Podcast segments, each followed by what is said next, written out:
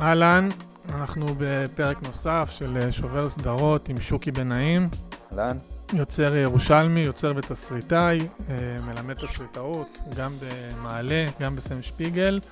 אה, בין הסדרות שתסרט או יצר, יש את מרחק נגיעה, חמישה גברים בחתונה, מעורב ירושלמי, אורים ותומים, ניו יורק, וגם אשתו של גיורא.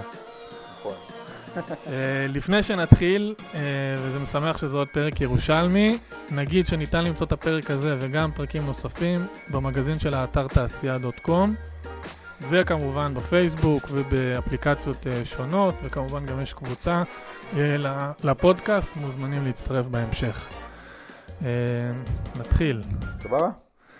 אז בעצם, אם אני מבין נכון, הסצנה הראשונה באורים ותומים, שבה התלמיד התיכון הדתי אה, חוזר מהקולנוע ומוצא גופה, היא בעצם אה, אתה, חוץ מהעניין של הגופה. חוץ מהגופה, נכון.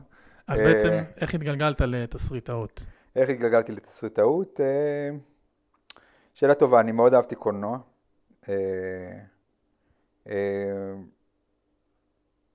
מגיל צעיר, כלומר זה היה משהו שמאוד מאוד אהבתי. אה, ובתיכון נהייתי גם סוג של עכבר קולנוע, הייתי הולך לסינמטקים, הייתי הולך לקולנוע, אה, היה לי חבר טוב, נתי ברונשטיין, הוא היום אה, עורך ומפיק טריילרים בארצות הברית, ואנחנו היינו יושבים במרתף שלו ורואים פחות או יותר כל דבר שהצלחנו לשים עליו את היד. הייתה תקופה קשה. לסרטים, לא כמו היום, היום יש. נכון, לא, היינו הולכים לענק הווידאו למשל, לא, לא, אתה כן. יודע, אה, זה ה... היה צריך מפתחות לחדרים בשביל, אה, בישיבה תיכונית, בשביל דברים כאלה. לא, וזה בישיבה תיכונית, אבל זה כן, גם, אה, וגם לתפוס טרמפים מהישיבה התיכונית, ולרדת ממש באמצע הכביש, שזה אגב ממש מחובר לביוגרפיה שלי בשעלבים, כי שעלבים נמצאת על כביש מספר אחת הרי. אז אתה צריך ממש לתזמן איפה אתה יורד על כביש מספר אחת, כדי לרדת לשביל שעולה בחזרה לישיבה. ומשם הגיע הרעיון שתוך כדי ירידה מכביש מספר אחת, אז הבן אדם כאילו הולך לאיבוד וטועה לתוך, ה... אה, לתוך המאגר. המאגר. כן. ובעצם, אה, לא יודע, היום, היום זה מסלול יותר שגרתי, אבל בתקופתך היית, למדת בישיבת הסדר, נכון? נכון. והתגלגלת לסם שפיגל, נכון. זה התגלגלות, זה מבחירה, זה משהו אה, שהיה לא, ברור לך שיקרה. לא, זה אתה יודע, הייתי צריך להירשם ולעשות בחינות. כן. אמ, אז כן, אז מה שקרה זה שהמחשבה הראשונית שלי לגבי מה אני רוצה לעשות בחיים, זה להיות אה, איש אקדמיה, רציתי להיות חוקר אה, במדעי הרוח. כלומר, אה, זו הייתה הנטייה שלי. אה, ו... פרופסור שקולניק. משהו כזה, נכון. אה, אז למדתי, למדתי באמת אה, בלשנות. אה, ותלמוד, אפרופו הערת שוליים, אה, אה, למדתי גם קצת סוציולוגיה ואנתרופולוגיה, חיפשתי את עצמי בכל מיני דברים, ו... ולא הייתי שמח, זה לא שימח אותי, זה לא, זה לא גרם לי תחושה של עונג, למרות שאני אוהב ללמוד ולחקור, ואני, ואני כן בן אדם עם נטייה אנליטית, כן? כן. אבל זה לא, זה לא עשה לי טוב, הייתי מדוכא. ואז נזכרתי שאני אוהב קולנוע. ו... ואמרתי, טוב, אני חייב לתת לעצמי צ'אנס, זה היה ממש סוג של הימור. נתקבל לסם שפיגל. אם אני אתקבל לסם שפיגל, זה כבר איזה סוג של אינדיקציה, שאולי אני יכול לעבוד בזה. אם אני אסיים את השנתיים האלה כמו שצריך, אולי זה מה שאני צריך לעשות בחיים. אם לא, אולי, לא יודע, אני צריך ללמוד תכנות. וזה, וזה מה שקרה, אז הלכתי לסם שפיגל, הגשתי את הבחינות קבלה, גם כן, ממש ברגע, סיימתי אותם ברגע האחרון. כאילו, כתבתי ב-24 שעות לפני הדדליין, אני תמיד, יש לי בעיה של דדליינים, כתבתי את כל הבחינות קבלה פחות או יותר, כתבתי את כל הבחינות קבלה פחות או יותר ב... ברצף אחד, זרקתי אותם לתוך מעטפה, נסעתי לירושלים, שמתי, אמרתי יאללה. ו... הסתייע. הסתייע. כן. כן. ומשם מהר מאוד אפשר לומר, אה, די מהר השתחלת לתעשייה. זה, אתה אומר מהר מאוד, אבל במונחים ישראליים, מהר מאוד זה לאט מאוד. אז אני אסביר איך זה עובד. אוקיי. אמ, אחד הדברים שכאילו מה קורה כשאתה מסיים בית ספר לקולנוע, אוקיי? אם אתה אה, בוגר מגמת בימוי, או עשית את הסרט סרט קצר, אז קודם כל זה תלוי בהתקבלות של הסרט הקצר שלך, האם הוא אה, עושה סיבוב, כן? כל מיני פסטיבלים של סרטי סטודנטים בעולם, זה תמיד מה שנקרא טיול אחרי בית ספר לקולנוע. של הרבה... טיול משמח. כן, טיול די משמח. וגם כאילו אפילו מניב במובנים מסוימים. אה, לתסריטאים אין, אין את זה, אין את הדבר הזה. כי אין תיק עבודות בעצם? לא, יש לי תיק עבודות, אבל תיק עבודות שלי הוא על נייר, הוא לא כן. על... אה, הוא לא על הוא לא פילם. מצולם. כן. ויש בזה משהו טוב ויש בזה משהו רע. כי הרבה פעמים, בגלל שאנשים עושים סרט סטודנטי מצליח, והם מסתובבים איתו שנתיים בעולם, אז הם בעצם דוחים את uh, תחילת הקריירה שלהם בשנתיים. הם לא יודעים עדיין. הם לא יודעים עדיין. לאן זה כן. ילך. אמ, ו... אז אני, פחות או יותר, ברגע שסיימתי את סמשפיגל, רציתי לעבוד. ו... ובאמת קרה לי אחד הדברים שלא קורה בדרך כלל לבוגר בית ספר לתסריטאות, זה שמיד כמה חודשים אחרי סיום הלימודים, קיבלתי הצעת עבודה. אה, לכתוב לסדרה מרחק נגיעה. כן, שהייתה מדוברת מאוד uh, בזמנו. כן, אבל כשאני כתבתי אותה היא לא הייתה מדוברת. אה, חרדית מדוברת. נכון, מי שיצרה את הסדרה, רונית וייס ברקוביץ', היא הייתה מנהלת מגמת הסרטאות בסם שפיגל, והיה בינינו קליק מצוין במהלך בית הספר.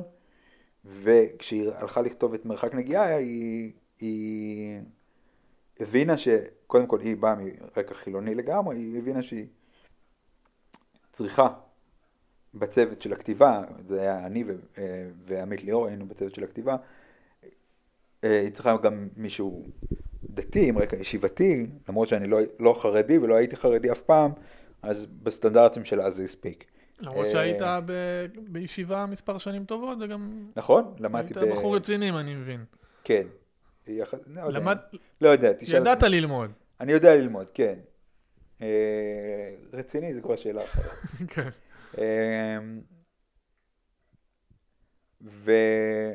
וככה הגעת, התגלגלתי לעבוד על, על מרחק נגיעה, שזה, אתה אומר, כאילו, לצד, מצד אחד, זה סיפור סינדרלה, נכון? כאילו... בהחלט. אבל, אחרי שכתבתי שני פרקים למרחק נגיעה, פתאום השתררה דממת אלחוט.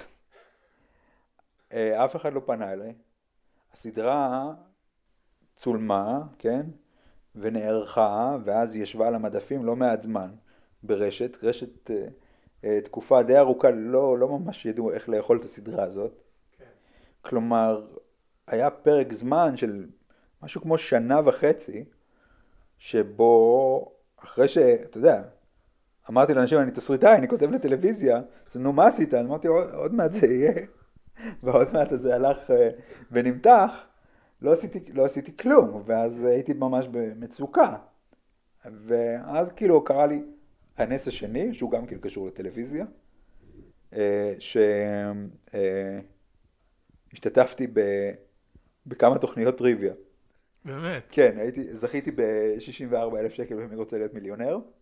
וואו. ואז זכיתי בעוד... אה, שזה כבר טוב לתסריטאי, לא? כן, שיש פצצה, כסף כן. בצד.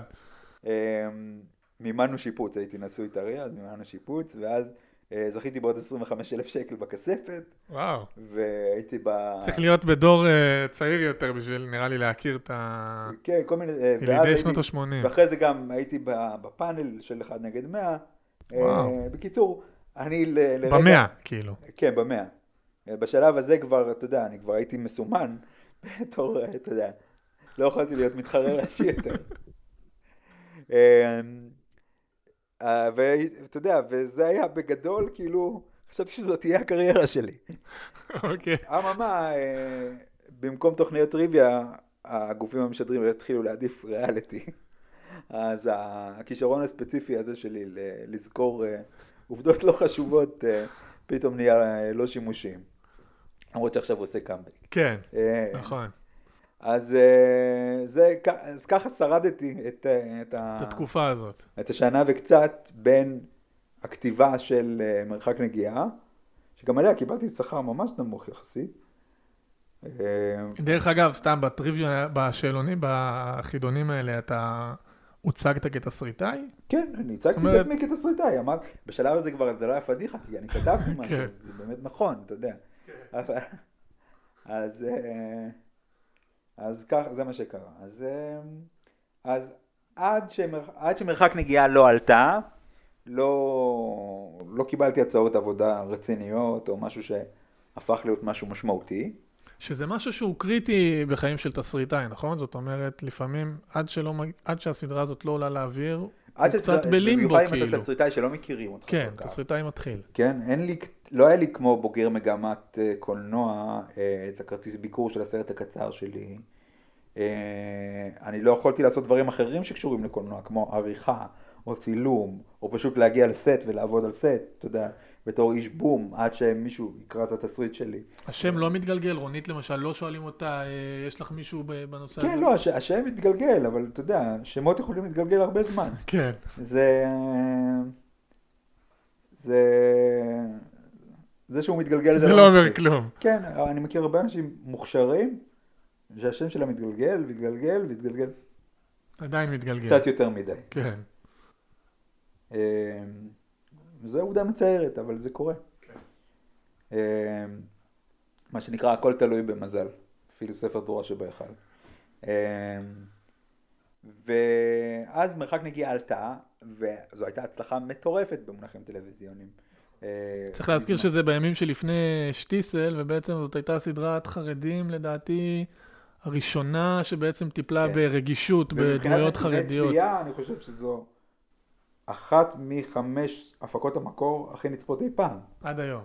כן, במונחים של רייטינג, בגוף broadcast, אני לא יכול למדוד VOD ודברים כאלה, אני לא יודע להגיד לך מה קורה שם, אבל ב- מבחינת נתוני רייטינג, לפני הפרק סיום היה הרי, נכון, היה איך זה הסתיים, והפרק כן. סיום היה, היה, היה כל כך מדובר, לפ... כן, כן, לא, לפניו אני, ואחריו. אני, אני חייב להגיד, אני, אני הופתעתי, אני לא האמנתי לרגע שזה יהיה הדיבור סביב הסדרה ושזאת תהיה ההתקבלות שלה, אה, ו, ובעצם הסדרה הזאת עשתה עבורי עוד משהו טוב, כלומר, משהו טוב ומשהו רע, תכף, אה, כאילו, אה, אני אגדיר את זה בצורה יותר מדויקת. הדבר הטוב שהיא עשתה, זה שפתאום ההבנה הייתה שלדוסים יש דרמה.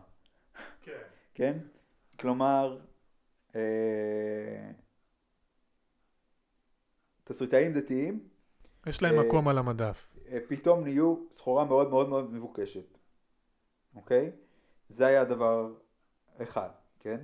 עכשיו, כדרכו של אה, גל, למרות שהגל הדתי איכשהו התמיד, שרד את הסערות, כן?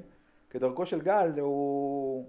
היו לו עליות וירידות ותחושות מיצוי, ולמשל אורים ותומים, שהיא סדרה שאני מאוד מאוד גאה בה, הגיעה בסוף הגל הדתי הראשון, ולא זכתה לעונה שנייה גם. וטוב, היא לא זכתה לעונה שנייה מכל, מיני, להיות. מכל מיני סיבות, אבל למרות שהיא זכתה להערכה ביקורתית, הייתה תחושה של מיצוי מאוד מאוד גדולה, כלומר העיתוי שבה היא עלתה, היא הייתה צריכה להילחם בהרבה מאוד מה שנקרא עייפות החומר של, אה, של אנשים שאמרו, או, נו, עוד פעם דוסים, כן? כמו שאמרו פעם על, אה, נו, עוד פעם תל אביבים בדירה. אה, אז מרחק נגיעה השיקה את זה ואני רכבתי על הגל הזה, כלומר כתבתי ל...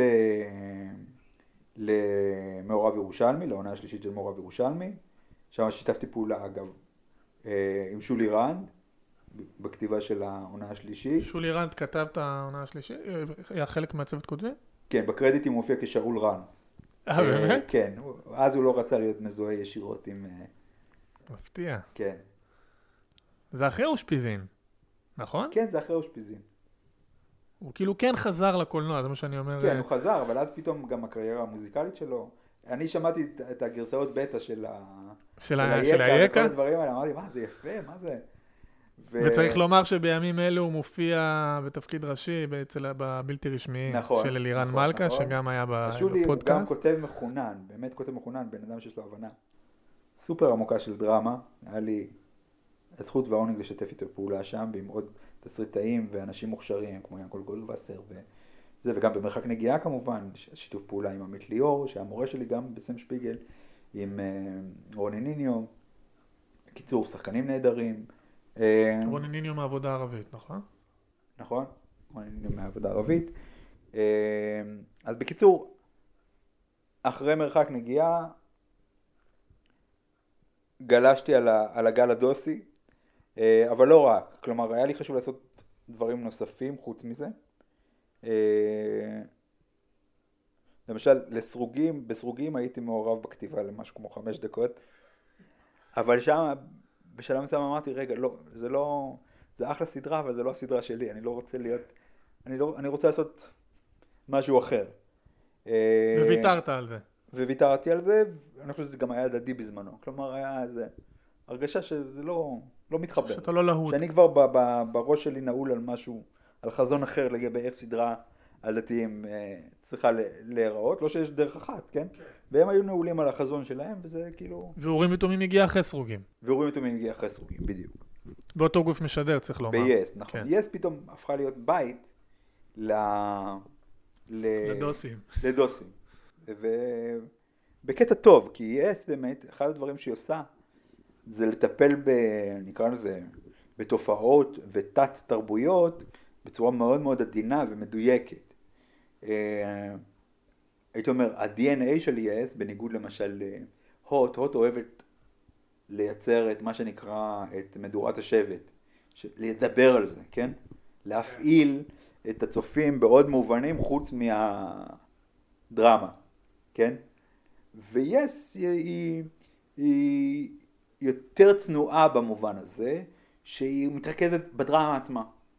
כלומר, אה, אולי דוגמה טובה מימינו זה על הספקטרום? אני... למשל, על הספקטרום, על הספקטרום יצרה שיח מטורף, גם שטיסל, להיט מטורף. גם שבאבניקים להיט מטורף, אבל הם, אבל הם שונות. שבאבניקים וזגורי הם שונות ב-DNA שלהם. שבאבניקים זה באמת כל המדינה בעצם אה, מתעסקת בזה. נכון, ויש גם את ה... ו... ו...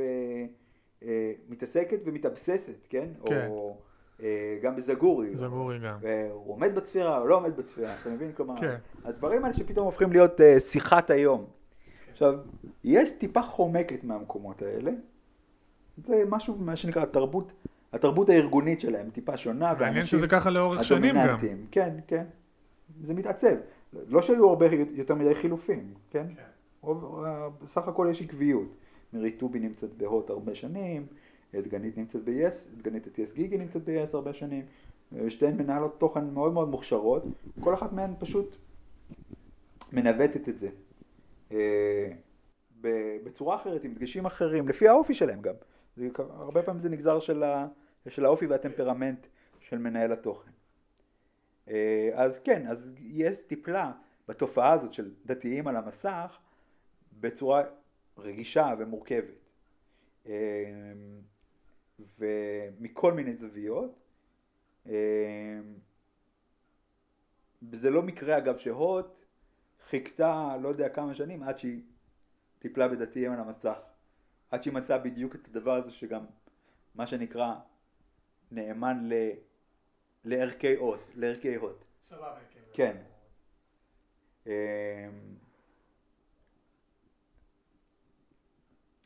אז, אז אמ, איפה היינו? שנייה. אז בעצם, אחרי שהשתפשפתי, גם לא רציתי מיד ליצור סדרה. רציתי להשתפשף בכתיבה של אה, סדרות, לפני שאני אה, אה, אה, יוצר סדרה. זה היה במגירה, שלי. הרעיון היה במגירה או שהוא התבשל? הרעיון היה במגירה. אני כתבתי את זה במקור כדרמת 50 דקות. כפרויקט גמר לסם שפיגל, קראו לזה אז עגלה ערופה. אה, והיה סביב זה באז, כאילו גם באז בקרנות להפוך את זה לפיצ'ר, ולא יודע למה, אבל הייתה לי את התבונה להניח את זה בצד. ובינתיים כתבתי אה, כחלק מצוות של אה, סדרות אחרות שאני לא הכותב הראשי. כלומר, גם במעורב ירושלמי, גם בחמישה גברים וחתונה, שעשה רן קולירין ושי קנות ואריק רוטשטיין, וגם ב... אה, וגם במרחק נגיעה שיצרה רונית וייס ברקוביץ', בכל הפרויקטים האלו הייתי שותף לצוות הכתיבה. לא ה... זה לא משהו שאתה יכול להגיד שעשית היום, היוצר. אתה יכול להגיד היום, אם אתה מסתכל אחורה, זה משהו כן. שעשית מבחירה, והיית עושה אותו עוד פעם? כן, כן, זו הייתה החלטה מאוד מאוד טובה. שמישהו יעץ לך, או שלבד הבנת את הדבר הזה? זאת אומרת, מישהו אה, נמצא במקומות האלה בשביל להסביר את זה, לא, ש... אני, אני, אני בן אדם איטי יחסית. לוקח לי זמן, כלומר, אמנם קרו לי דברים יחסית מהר, אבל לוקח לי זמן להבשיל לתוך המקום שבו אני אומר, אוקיי, עכשיו אני עושה משהו, עכשיו זה שלי. עכשיו זה שלי. וגם כשעשיתי משהו שלי, אני אף פעם לא עושה משהו שהוא שלי. אני תמיד מחפש צוות, אני תמיד מחפש את השיתוף פעולה. אולי, לא יודע, בפרויקט הבא שלי, אני, אני, אני ארצה לעבוד לבד. אבל... אה, פרויקט הבא תמיד, או אני הפרויקט לא יודע, הבא הבא? תמיד איכשהו בפרויקט הנוכחי זה עם מישהו, או עם מי שהם, כן? אני, אני אוהב את החברותא, אני אוהב את ה, את ה, לעבוד עם, אה, לעבוד עם, אה, עם, אה, עם עוד בן אדם, עם עם עוד- בן אדם, עם עוד שניים. ולכן זה גם, משהו שאתה אומר לתלמידים דרך אגב? זאת כן, אומרת, כי... טלוויזיה לא, אני תמיד אומר, הדבר הראשון, המושכל הראשון שלי, הלקח הראשון שלי לגבי טלוויזיה זה, שטלוויזיה לא עושים לבד, נקודה. גם קולנוע לא עושים לבד, אבל בקולנוע אנשים משלים את עצמם, שהם לבד, כן? הטלוויזיה לא עושים לבד, לא כותבים לבד, אה, ובוודאי שמה שנקרא, אתה צריך להיות דיפלומט של הטקסט, אתה צריך לדבר עם אלף ואחד גורמים שקראו את התסריט שלך ויש להם הערות על התסריט שלך ואתה צריך לשכנע אותם ולשדל אותם ולאיים עליהם ולעשות כל מיני דברים כדי שאיכשהו, כן, אה, ייווצר חזון משותף ומוסכם של, אה, אה, ששייך לכל האנשים שמעורבים ביצירה. אז כן, כתיבה לטלוויזיה מחייבת איזה סוג מסוים, נקרא לזה של, של, של ענווה, אבל צריך להיות ביחד, עוז וענווה.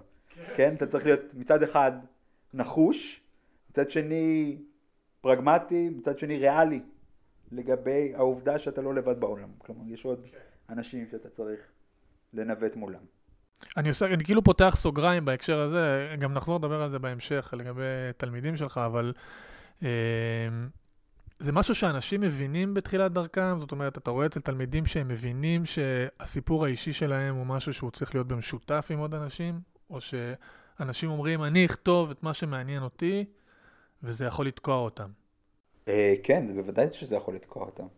קודם כל זה מעריך את התהליך אה, בצורה מאוד מאוד משמעותית.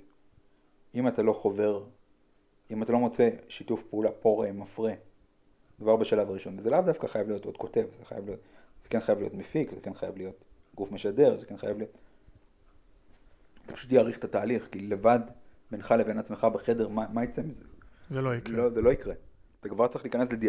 לאיזה סוג מסוים של דיאלוג עם מישהו שייתן לך שיקוף כל הזמן, שייתן לך מראה, והמישהו הזה צריך להיות מקצועי, כי, כי טלוויזיה היא מקצוע. היא גם אומנות, אבל היא גם מקצוע. אה, ו... אז כן, לפעמים לוקח זמן להבין את זה. לפעמים יש אנשים שמה שנקרא, מבחינת ה... תחושת בעלות שלהם על היצירה, כן? יותר קשה להם אה, להרפות ממנה, כי הם אומרים, זה סיפור שלי, מי אתם נכון. שתיקחו חלק? נכון? אה, אה, ויש אנשים שזה יותר קל להם, ויש אנשים שחושבים שזה קל להם, אבל אז מגלים שזה קשה להם. אתה יודע, זה מורכב, זה תמיד מורכב. עכשיו, באורים ותומים, אמנם אני כתבתי את עגלה ערופה, ו, אה, ובזמנו גיורא יהלום, שהיה מנהל הדרמה של יס, אה, אמר לי, תשמע, קיבלתי עליך פידבקים טובים, אה, קראתי את אה, עגלה ערופה, אני רוצה שתעשה לי משהו על התנחלות. ואמרתי לו, תשמע, אני לא יכול לעשות לך משהו על התנחלות, אבל יש לי רעיון, והרעיון היה לא אורים ותומים, הרעיון היה אה, לעשות אה, סדרה על יגאל עמיר, שמתרחש במציאות אלטרנטיבית, שבה הוא לא רוצח את רבין, אלא את הנהג מונית בדרך לכיכר. אה, כן, אמרתי לו, תשמע, זה, זה שילוב של מדע בדיוני ומותחן פוליטי, מה דעתך על זה? והוא זרם עם זה, אה, הוא נתן לי? פיתוח, הוא נתן לי פיתוח על זה. וואו. אה, כן, תכף תבין שה... שהאומץ שלו לא היה האומץ של אנשים אחרים. אוקיי. אוקיי? הוא נתן לי פיתוח על זה. אני לא האמנתי שזורמים איתי על זה. וכתבתי, כתבתי טריטמנטים, כתבתי זה, אתה יודע, הגעתי למקום אה, לא רע. ורגע לפני שאתה יודע, אה, מחלקת התוכן של ES אה, יושבת אה, כדי להחליט אה, מי מקבל אישור הפקה ומי לא, אה, ישראל רוזנר, שגר שתי בלוקים מפה, אה, התעקש לראיין את יגאל עמיר מהכלא. ואז הייתה סערה, פתחון פה לרוצח, שמע פתרון לרוצח, ואיך זה, ומה שנקרא שיט סטורם, כן? וואו. ו... ובמקום שידונו בפרויקט שלי על יגאל עמיר במחלקת התוכן, דנו בו בישיבת דירקטוריון של יס, הגיע יותר גבוה ממה שחשבת. וזה לא לטובה, ושם פחות או יותר אה, אה, הובהר שסדרה כזאת לא תהיה באוויר. שסדרה כזאת לא תקרה. גם כשניסיתי לגשש במקומות אחרים, אה, מה שנקרא... אה, לקחת את זה באמת ל... הראיתי את זה לאנשים אחרים, למה לא? כאילו אמרתי, מה, מה יצא? כולם אמרו, מקסים, מעניין. לא תודה. תודה רבה. אמ, ועדיין המשיכו איתך עם הורים ותום... זאת אומרת... ואז הוא אמר, טוב, תשמע, אני ממש מתנצל. כלומר, כי הוא גם אהב את מה שיצא בעבודה על, על, על הפרויקט שלי, גל אמיר, קראתי לזה גלי, זה היה השם של הסדרה. אמ, הוא אהב, הוא אהב את זה, והוא אמר, אני ממש מתנצל על מה שקרה, אבל אני באמת רוצה להמשיך אה, לעבוד איתך. ואז הוא הציע שאני אעשה משהו על ישיבה תיכונית, ממש כמו עגלה ערופה, לא מהאזורים, אלא ממש לאבד את עגלה ערופה לתסריט של סדרת דרמה. וברגע שהדיבור היה, את גלי אני פיתחתי כמיני סדרה, וברגע שהדיבור היה שזאת תהיה סדרה של 12 פרקים, לפתח סדרה של 12 פרקים, בשלב הזה אמרתי, טוב, אני לא עושה את זה לבד. ואז אה, חברתי ל- לשני תסריטאים שהיו גם יוצרים בשותף של הסדרה, אה, אוהד זגבך, שלמד, ואלעד חן, שניהם למדו איתי בסם שפיגל. אה, שניהם היו כותבים מוכשרים, היה בינינו חיבור ממש טוב. אה, ו... אה, והבמאי אריאל אה, בן בג'י. ואריאל בן בג'י אחר כך הצטרף. אה, הוא הצטרף. הייתם ממש קבוצה, אני זוכר שבראיונות למשל, הייתם ממש אה, נכון, חבורה אנחנו- כזאת אנחנו שהתראיינה כן. ביחד. חברים טובים עד היום.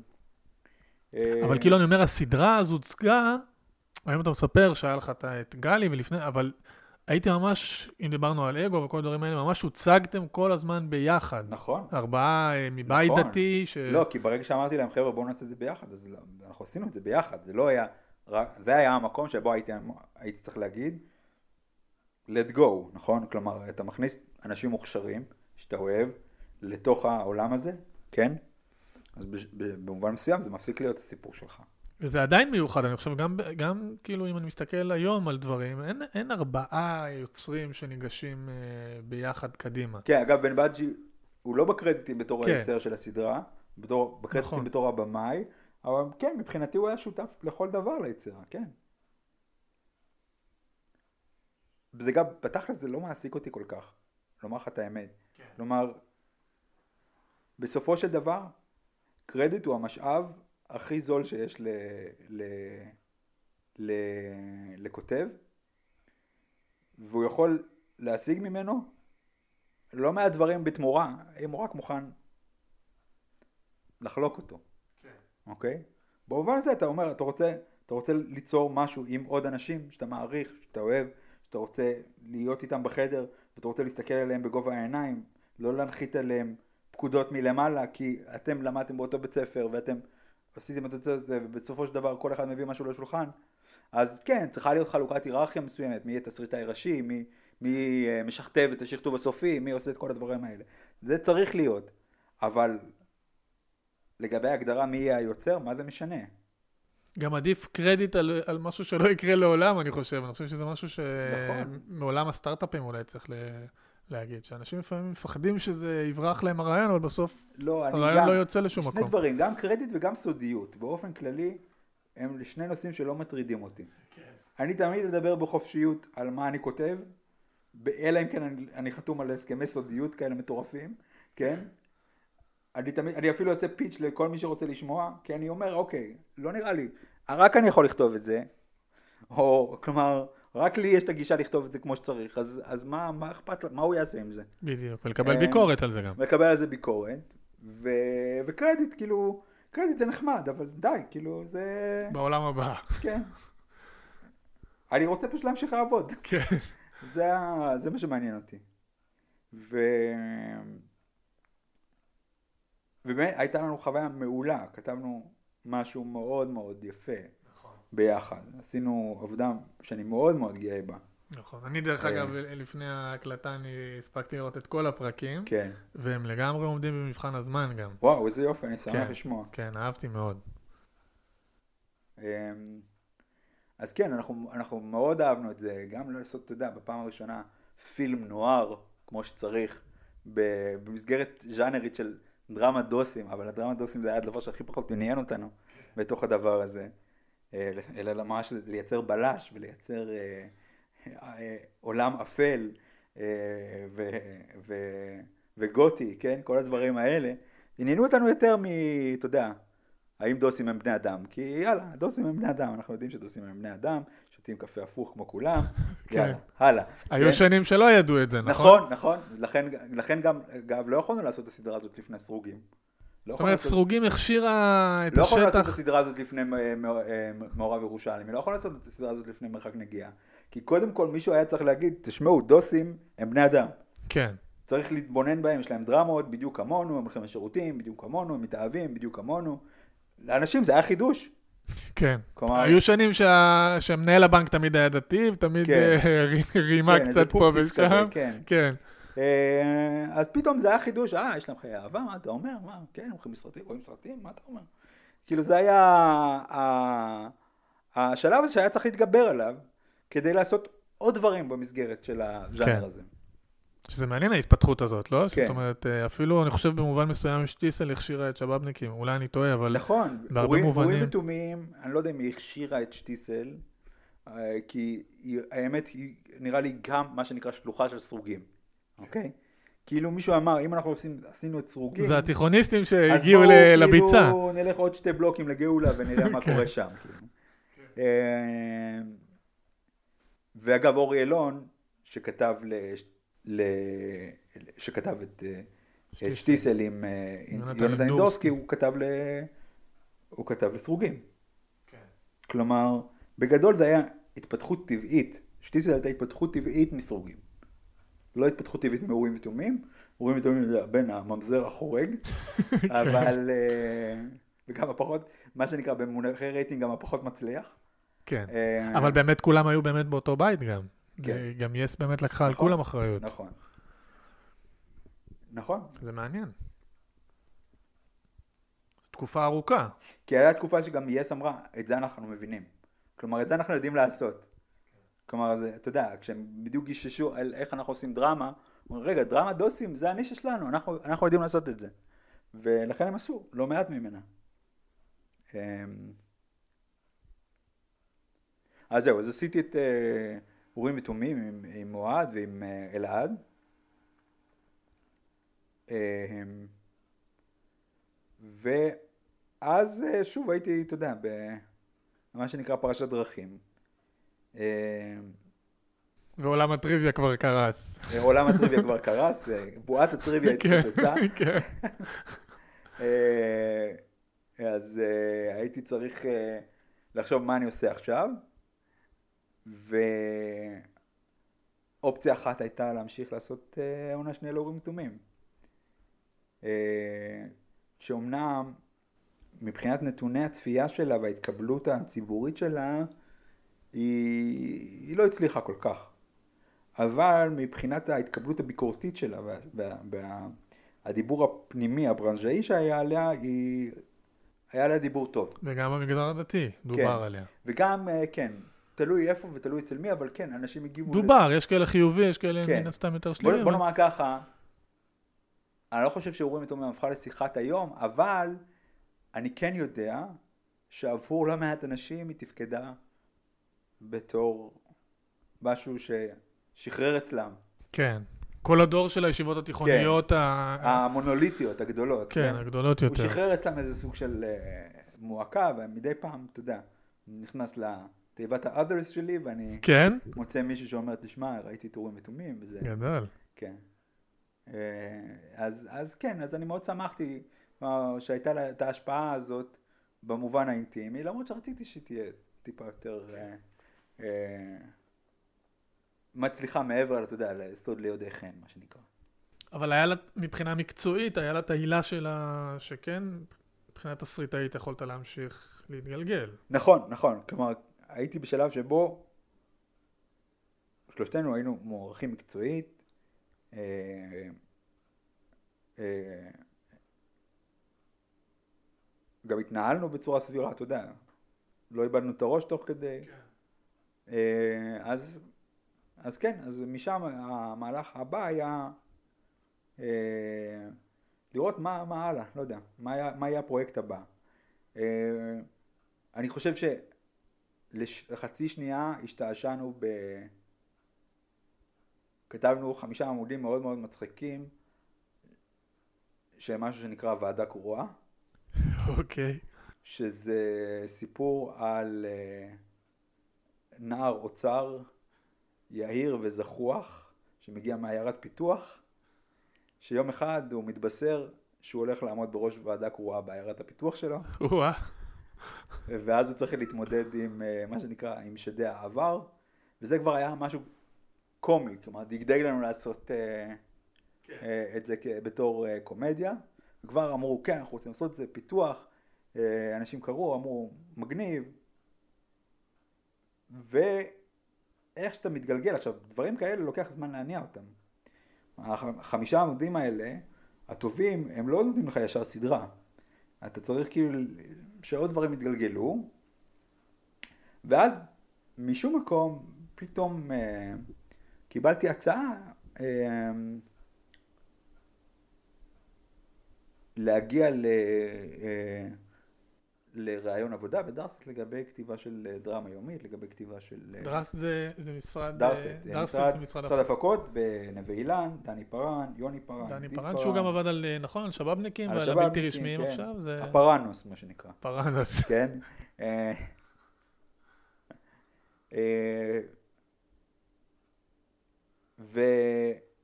ושוב, אני לא חשבתי שאני, לא הייתה לי נטייה מיוחדת לכתוב דרמה יומית. אה, גם סיפור של ניו יורק, אתה יודע, כל מיני אנשים מוכרים ציורי שמן, לא, לא עניין אותי במיוחד. של מי היה רעיון? זה היה סדרה שבזמנו פותחה על ידי אה, אה, על ידי אורן יעקבי, אם אני לא טועה, ושחר סגל. לכן אגב בקרדיטים של ניו יורק, היא כתבה את שולץ למשל. אה, אז הם עשו משהו, לקחו את זה לכיוון מסוים, אתה יודע, כזה צעירים אורבניים ב- בסביבה אורבנית כזה. ודאס הרגישו שזה לא יודע, שזה לא מה שהם רוצים לעשות. כאילו, אחרי שהם השקיעו בזה כבר לא מעט כסף, זה כבר אושר להפקה, אמרו אנחנו לא... ואז הסדרה הייתה צריכה לעשות, לעבור איזה סוג של אה, ריבוט, אה, אתחול מחדש. ואז היה לי כאילו, כשאני ישבתי איתם ברעיון עבודה, אמרתי להם, טוב, לדעתי זה צריך להיות סיפור יוסף ואחיו. כלומר, בואו נעשה סיפור יוסף ואחיו, לפני, לפני יוסף ואחיו, מה, מה ההגדרה כאילו, בעצם של רעיון עבודה, כאילו? זאת אומרת, קור... תסריטאי נקרא ל... למה? רצו לדבר איתי, אוקיי?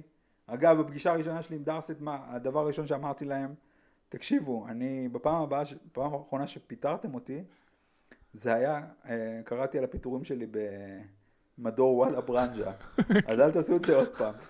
איפה, באיזה הקשר זה היה? מה זה היה? אני הייתי דיאלוגיסט לאלופה לשנייה וחצי, ואז uh, קראתי כותרת בוואלה ברנז'ה, פוטרו ארבע מחמשת כותבי הדיאלוגים של האלופה. אמרתי, טוב, אליי לא התקשרו, אז אני... בדקתם מי מהחמישה הוא... מסתבר שאני הייתי בצ'ופינג בלוק. היית בפיינל פור. כן, אז אמרתי, חבר'ה, בואו, פעם הבאה אל תפטרו אותי בוואלה ברנז'ה. אה, בראיון כזה אתה צריך לבוא מוכן, או שאתה פשוט, לא, באתי- שיחה, זאת שיחה. שיחה, קראתי את החומרים, אמרתי, הנה מה שאני חושב שצריך לעשות. אמרתי, קראתי את החומרים, אמרתי, זה הכיוון שאני רוצה לקחת. זה ה-one יוסף. ואחיו. אה, יוסף ואחיו על אקסטזי. כאילו, אה, כיפשו כן? במקום לשבור שבר זה לסחור באקסטזי. אה, כן. אה, ו... ואז אמרו, אוקיי, שב פה כמה זמן, תכתוב משהו, נראה. ואז אמרתי, טוב, אני גם, לא, בשלב הזה אמרתי, אני אכתוב משהו, אני אקבל את ה... מה שנקרא, את השכר אה, טרחה שלי על השבועיים האלה, ואני אמשיך הלאה לדברים אחרים. ואז הם קראו, התלהבו, אמרו, אוקיי, אנחנו רוצים לעשות את הסדרה הזאת, אתה רוצה להיות התסריטאי הראשי. בניו יורק, של ניו של... יורק. אה, של, אה, של היוצר, הוגדרת כיוצר של ניו יורק בעצם? אחרי- כן, כן. ו... אז אמרתי לא, ואז הם הציעו לי הרבה כסף. אוקיי. כי עכשיו החשש שלי לא, לא היה דווקא מזה שאני לא אצליח לעשות משהו טוב בדרמה היומית, אתה יודע, כל הסנוביות הזאת, אבל ידעתי שזה פשוט הולך להיות עבודה מטורפת, זה לא משהו ש... אתה יודע, בארצות הברית, אני פעם ישבתי בפגישה בארצות הברית, אמרתי להם שאני כתבתי דרמה יומית, 50 פרקים, ואז אה, אמרו, אוקיי, ועם כמה אנשים עשית את זה? "אה, אני ועוד שתיים. והם הסתכלו עליי כאילו אני יצאתי עכשיו מסוואטשופ בווייטנאם, אה, תופר אה, כאילו נעלי ספורט. כי שם צוות כותבים זה... צוות כותבים, בטח לדרמה יומית, בטח ל-50 פרקים, זה היקף מטורף. זה לא, לא בא... הסתכלו עליך ב- בצורה טובה, או בצורה, זאת אומרת, ידעת לי להתמודד עם זה לא, יפה. כלומר, מצד אחד הערכה, מצד שני, אלוהים אדירים, זה לא אנושי, כלומר, זה באמת- כן. וזה באמת לא אנושי. אני חושב ש... גם ביחס לכסף דרך אגב, זאת אומרת, בלי להיכנס לכיס, מבחינת אה, מה שבן אדם צריך לעבור, זה, זה שווה את זה? תבחן, תראה, תראה למשל במבחן תוצאה כמה אנשים עושים יותר משלוש עונות של דרמה יומית, למרות שזה ז'אנר מאוד מאוד מבוקש ומאוד מאוד אה, אה, מש, אה, משתלם כלכלית. הוא נעצר בשתיים בדרך כלל. בדרך כלל זה נעצר בשתיים, ואחרי שזה נעצר בשתיים, רוב האנשים יגידו לך, אני לא מוכן להתקרב לזה יותר. לא בגלל שהוא לא, שאין בזה משהו מספק, יש בזה משהו מאוד מספק. לא בגלל שאין בזה משהו מתגמל כלכלית, יש בזה משהו מאוד מתגמל כלכלית. אז הלחץ והקצב, הלחץ, הקצב, ה- ה- ה- ההזדכות על החיים, כן?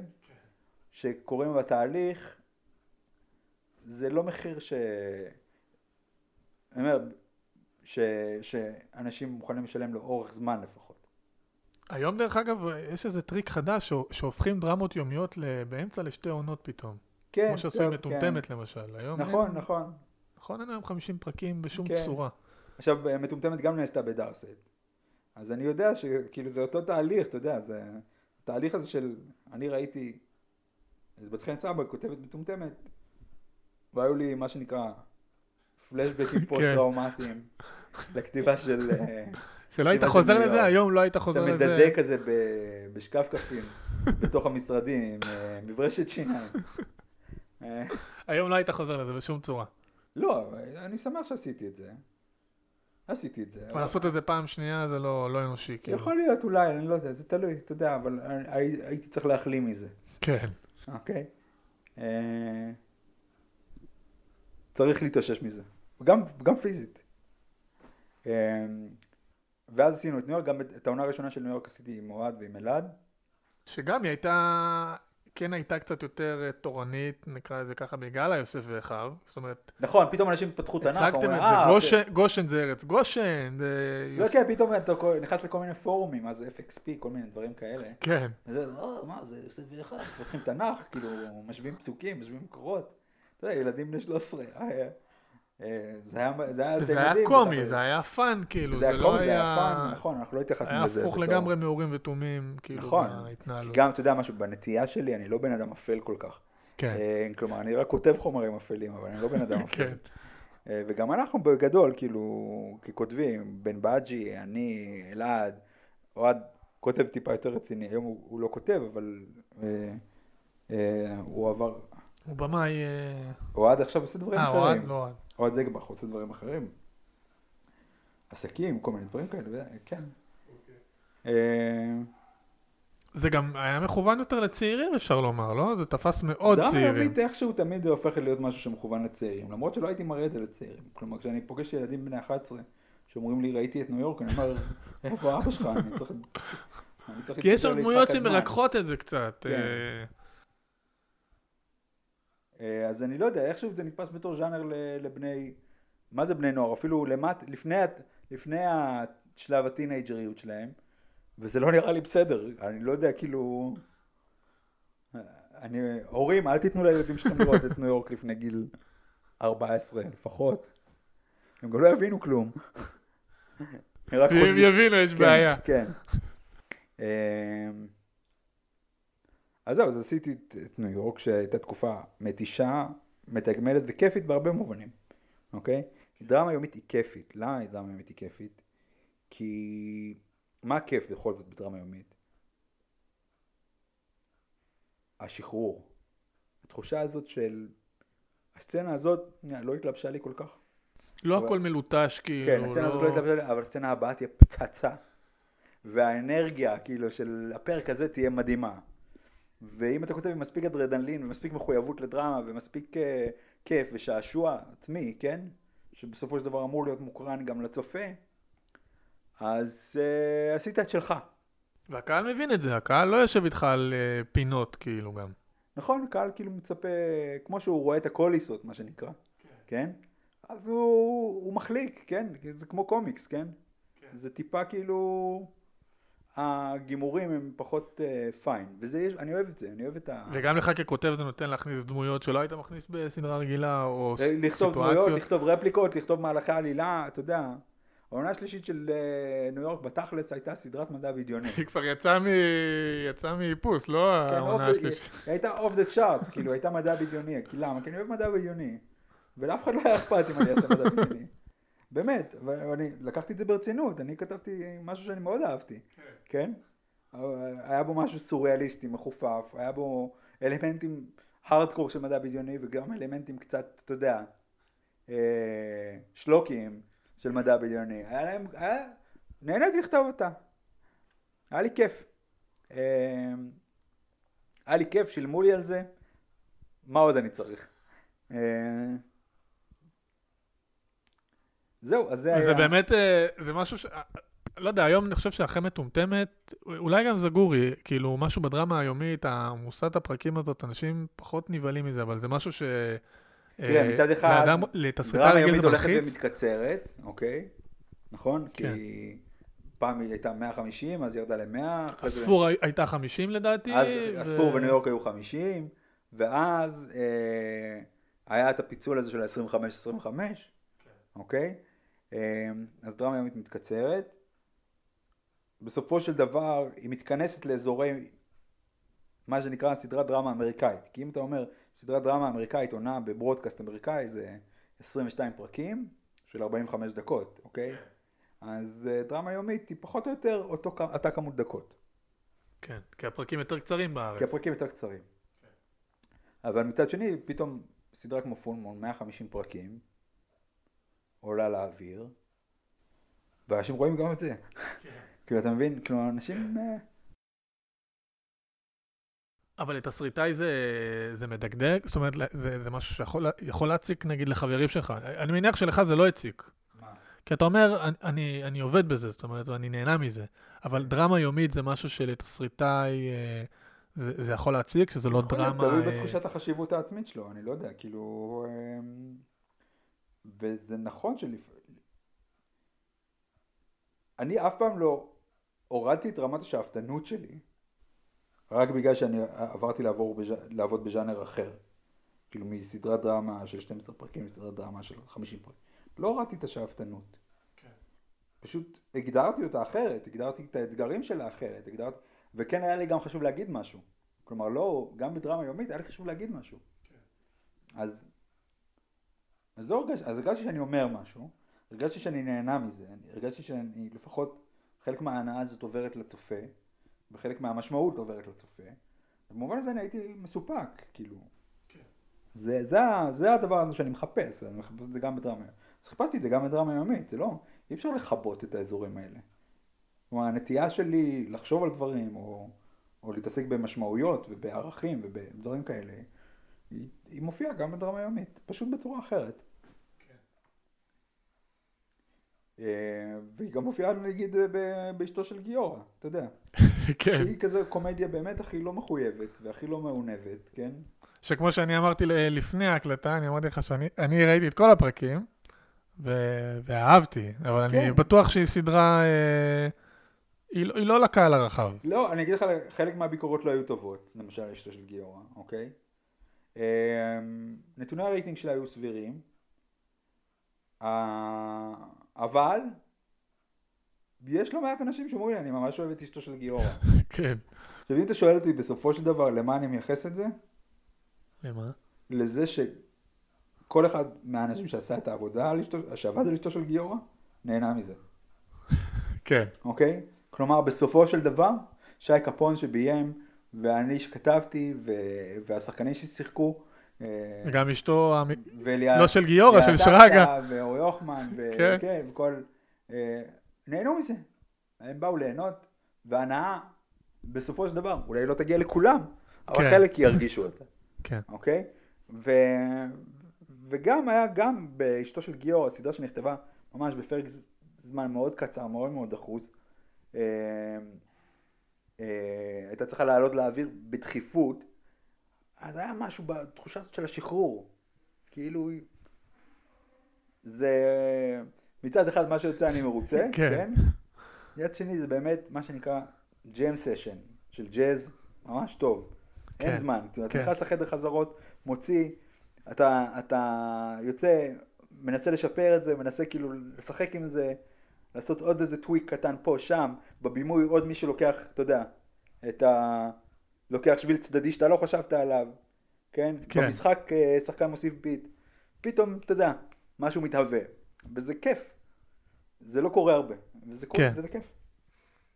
זה משחרר את הכתיבה בעצם. כן, אם נקפוץ קצת קדימה, כן, אה, גם לסדרות שאתה עוסק בהן יותר היום, נכון, אז אה, השתתפת בחוויה יחסית אה, ייחודית אה, לתסריטאי ארצנו, אפשר לומר, אה, חדר כותבים, נכון.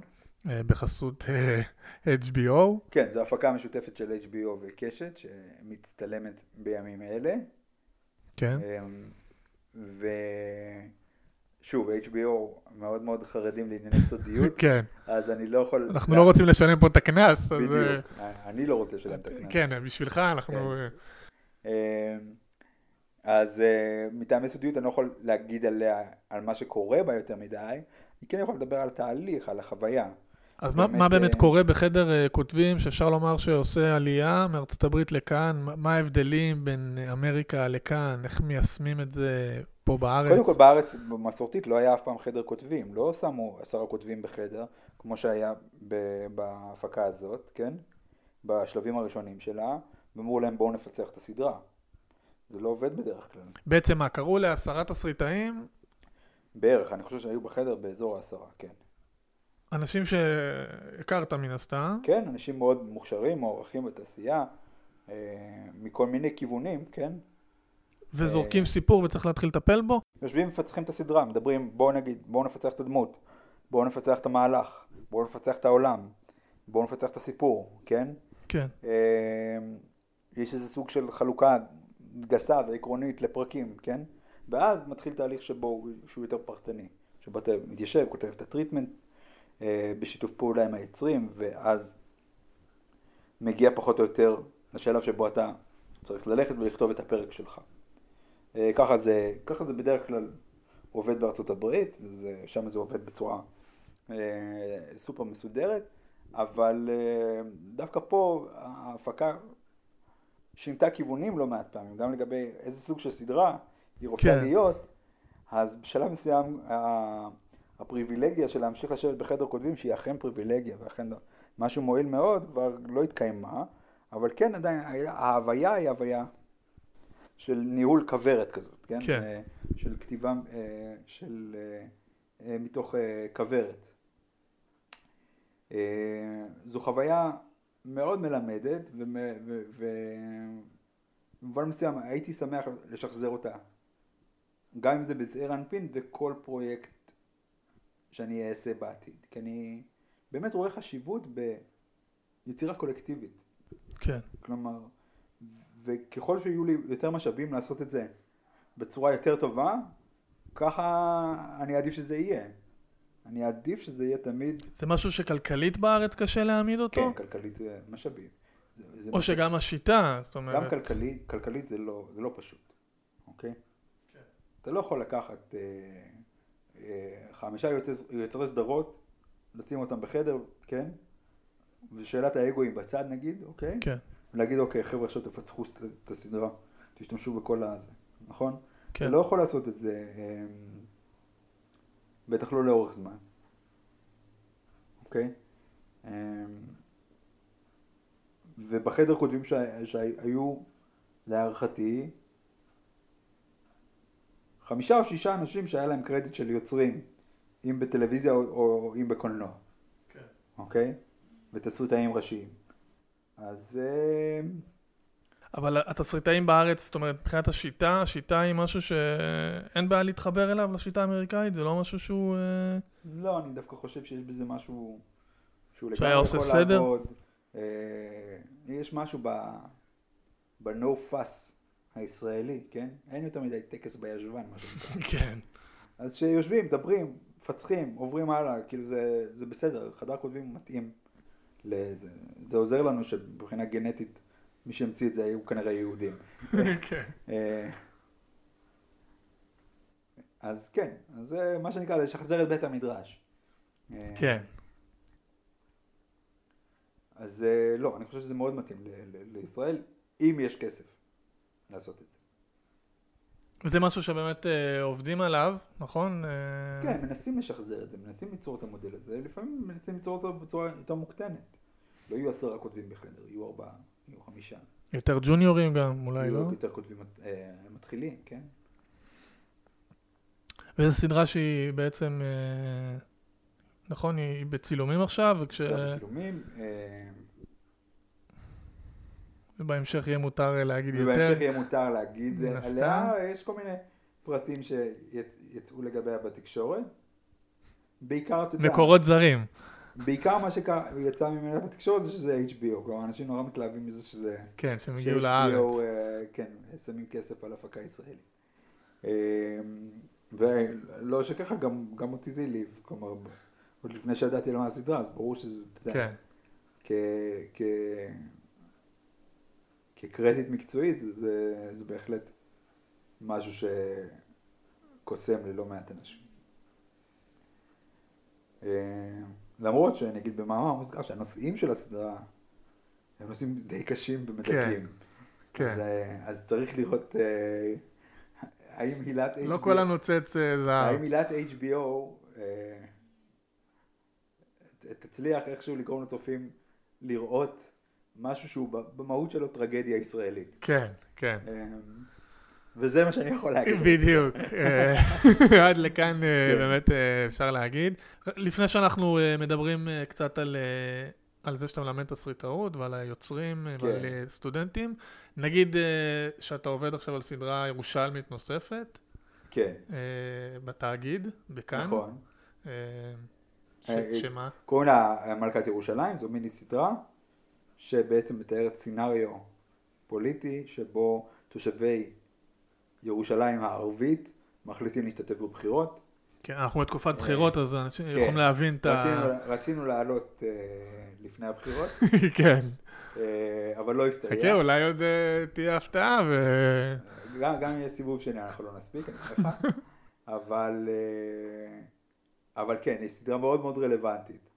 אני אומר, אפרופו הבלתי רשמיים, שתקפה את זה מזווית אחת, גם כן, בחירות, אה, באמצעות ש"ס. בחירות עירוניות בירושלים, אז כן, אז, זה- אז, אה, אז הבלתי רשמי מספר את הסיפור של החרדי, החרדים הספרדים של ירושלים, ו...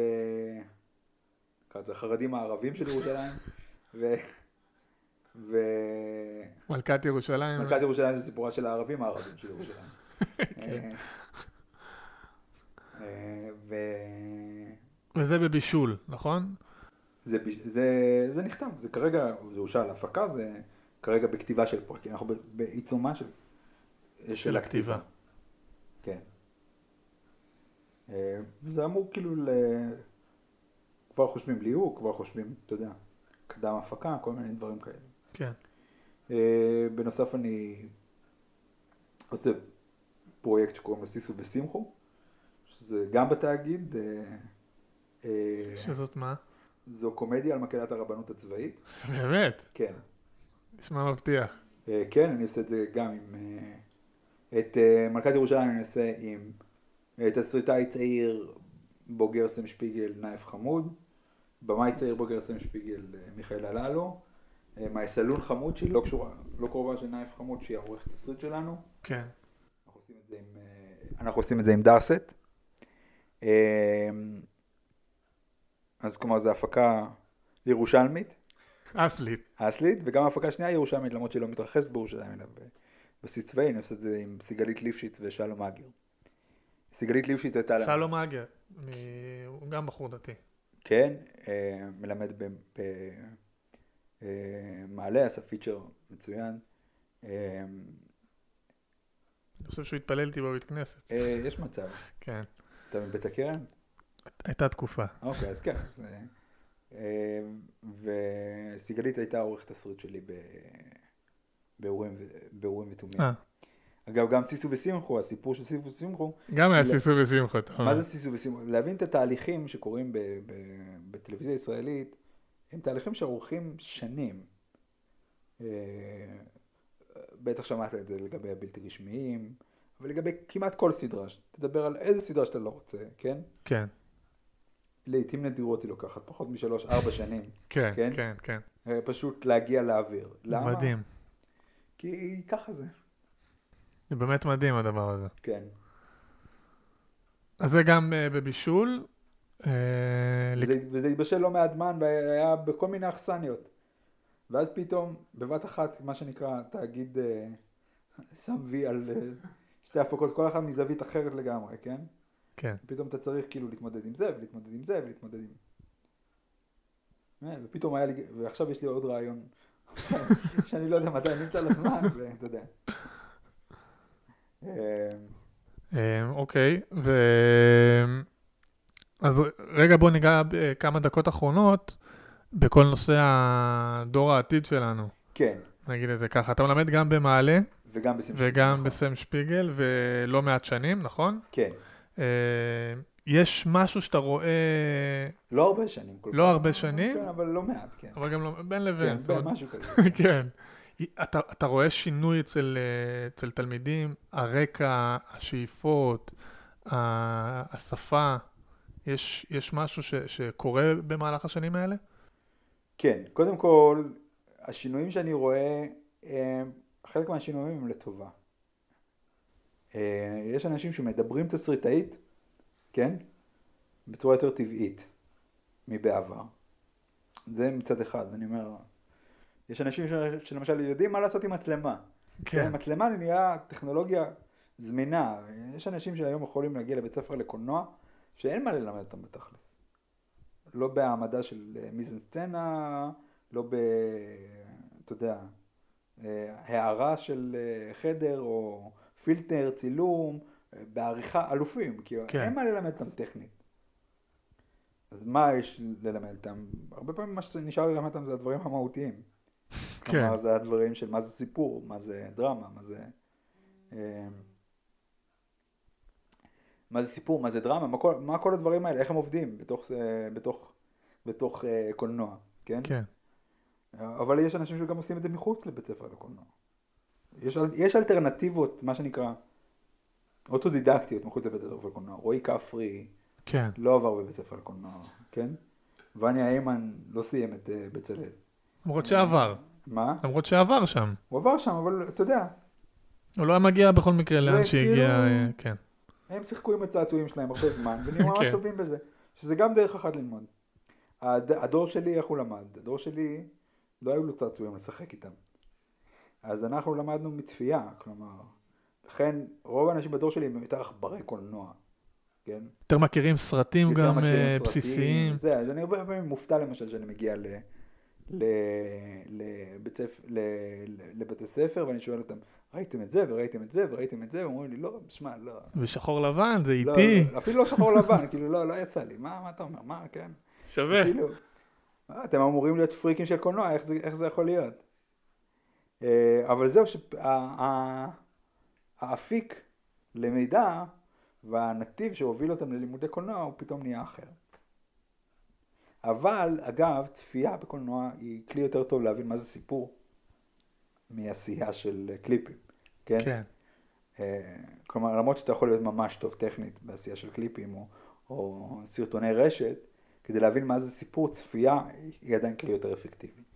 ואני הרבה פעמים אומר לאנשים, קודם כל, לא חי- לוותר על ה... אתם חייבים לי את העשרת אלפים שעות של אה, לראות סרטים. יש מקומות שזה חלק מה... נכון, זה ממוסד יותר, שזה חלק מהדרישה. צפייה, אבל, אבל בתכלס אתה חייב לרצות את זה, אתה חייב. כן, לשבת את כל כן. השעות האלה. כן. סרטים פעם גם היו ארוכים. אה, אז ככה, אז כן, אז, אה, אז זה אחד השינויים. קודם כל ההרכב האנושי בכיתה השתנה. הוא יותר מגוון, הוא יותר, אתה יודע. אין, אין אה, מה שנקרא המיעוט הדתי, כן? כן. התמהיל של הכיתה לא נקבע על ידי מה שנקרא קווטה, מכסה של מיעוטים. כן. אמ, ההפך, כאילו, הרבה פעמים אתה, אתה לא רוצה שלכל הכיתה יהיו דתיים או דתל"שים. שיהיו קצת חילונים, אתה כן, אומר. כן. גם במעלה וגם בסמשפיגל. אתה רוצה שיהיה יותר מגוון. כן. אמ, אז ההרכב האנושי השתנה, המקום שמוביל אותך לעשייה קולנועית השתנה, אבל בכל מובן אחר זה לא השתנה. כלומר, עדיין אנשים צריכים להתמודד עם אותם אתגרים, מה זה סיפור, מה זה דרמה, מה זה, מה זה תסריט. ושאלה אחרונה, כן. אמ, אם יש, אם יש לך טיפ הזהב, איך אה, משתחלים לתעשייה? מה, מה אומרים לתלמידים אה, צעירים? אה, איך? חוץ ממזל כמובן. מזל, נחישות, נחישות. פשוט נחישות אה, זה ערך שלא יסולא בפז בתעשייה הישראלית. כן.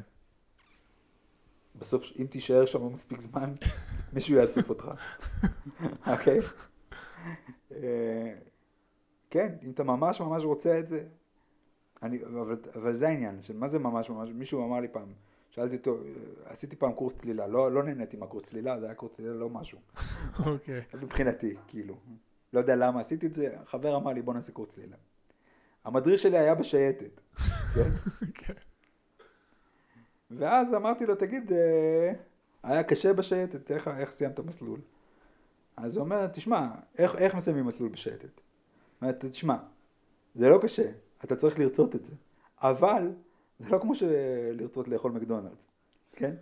לרצות, לרצות, לרצות, זה, לרצות. לרצות זה פעולה. כן. ואנשים שעובדים בלרצות את זה, בסופו של דבר, דברים טובים קורים להם. אה, וזה קשה, אני לא אומר שזה, שזה לא קשה, זה מאוד קשה. טוב, בנימה אופטימית זו, אה, תודה רבה לשוקי בן נעים, יוצר, תסריטאי, מלמד תסריטאות. נזכיר שהפרק הזה, כמו פרקים נוספים, נמצא גם במגזין של האתר תעשייה.קום. אה, אם הגעתם עד לכאן, אז אתם גם מוזמנים להצטרף לקבוצה שלנו בשובר סדרות הקבוצה. וזהו, ניפגש בשמחות. תודה רבה. ביי. ביי.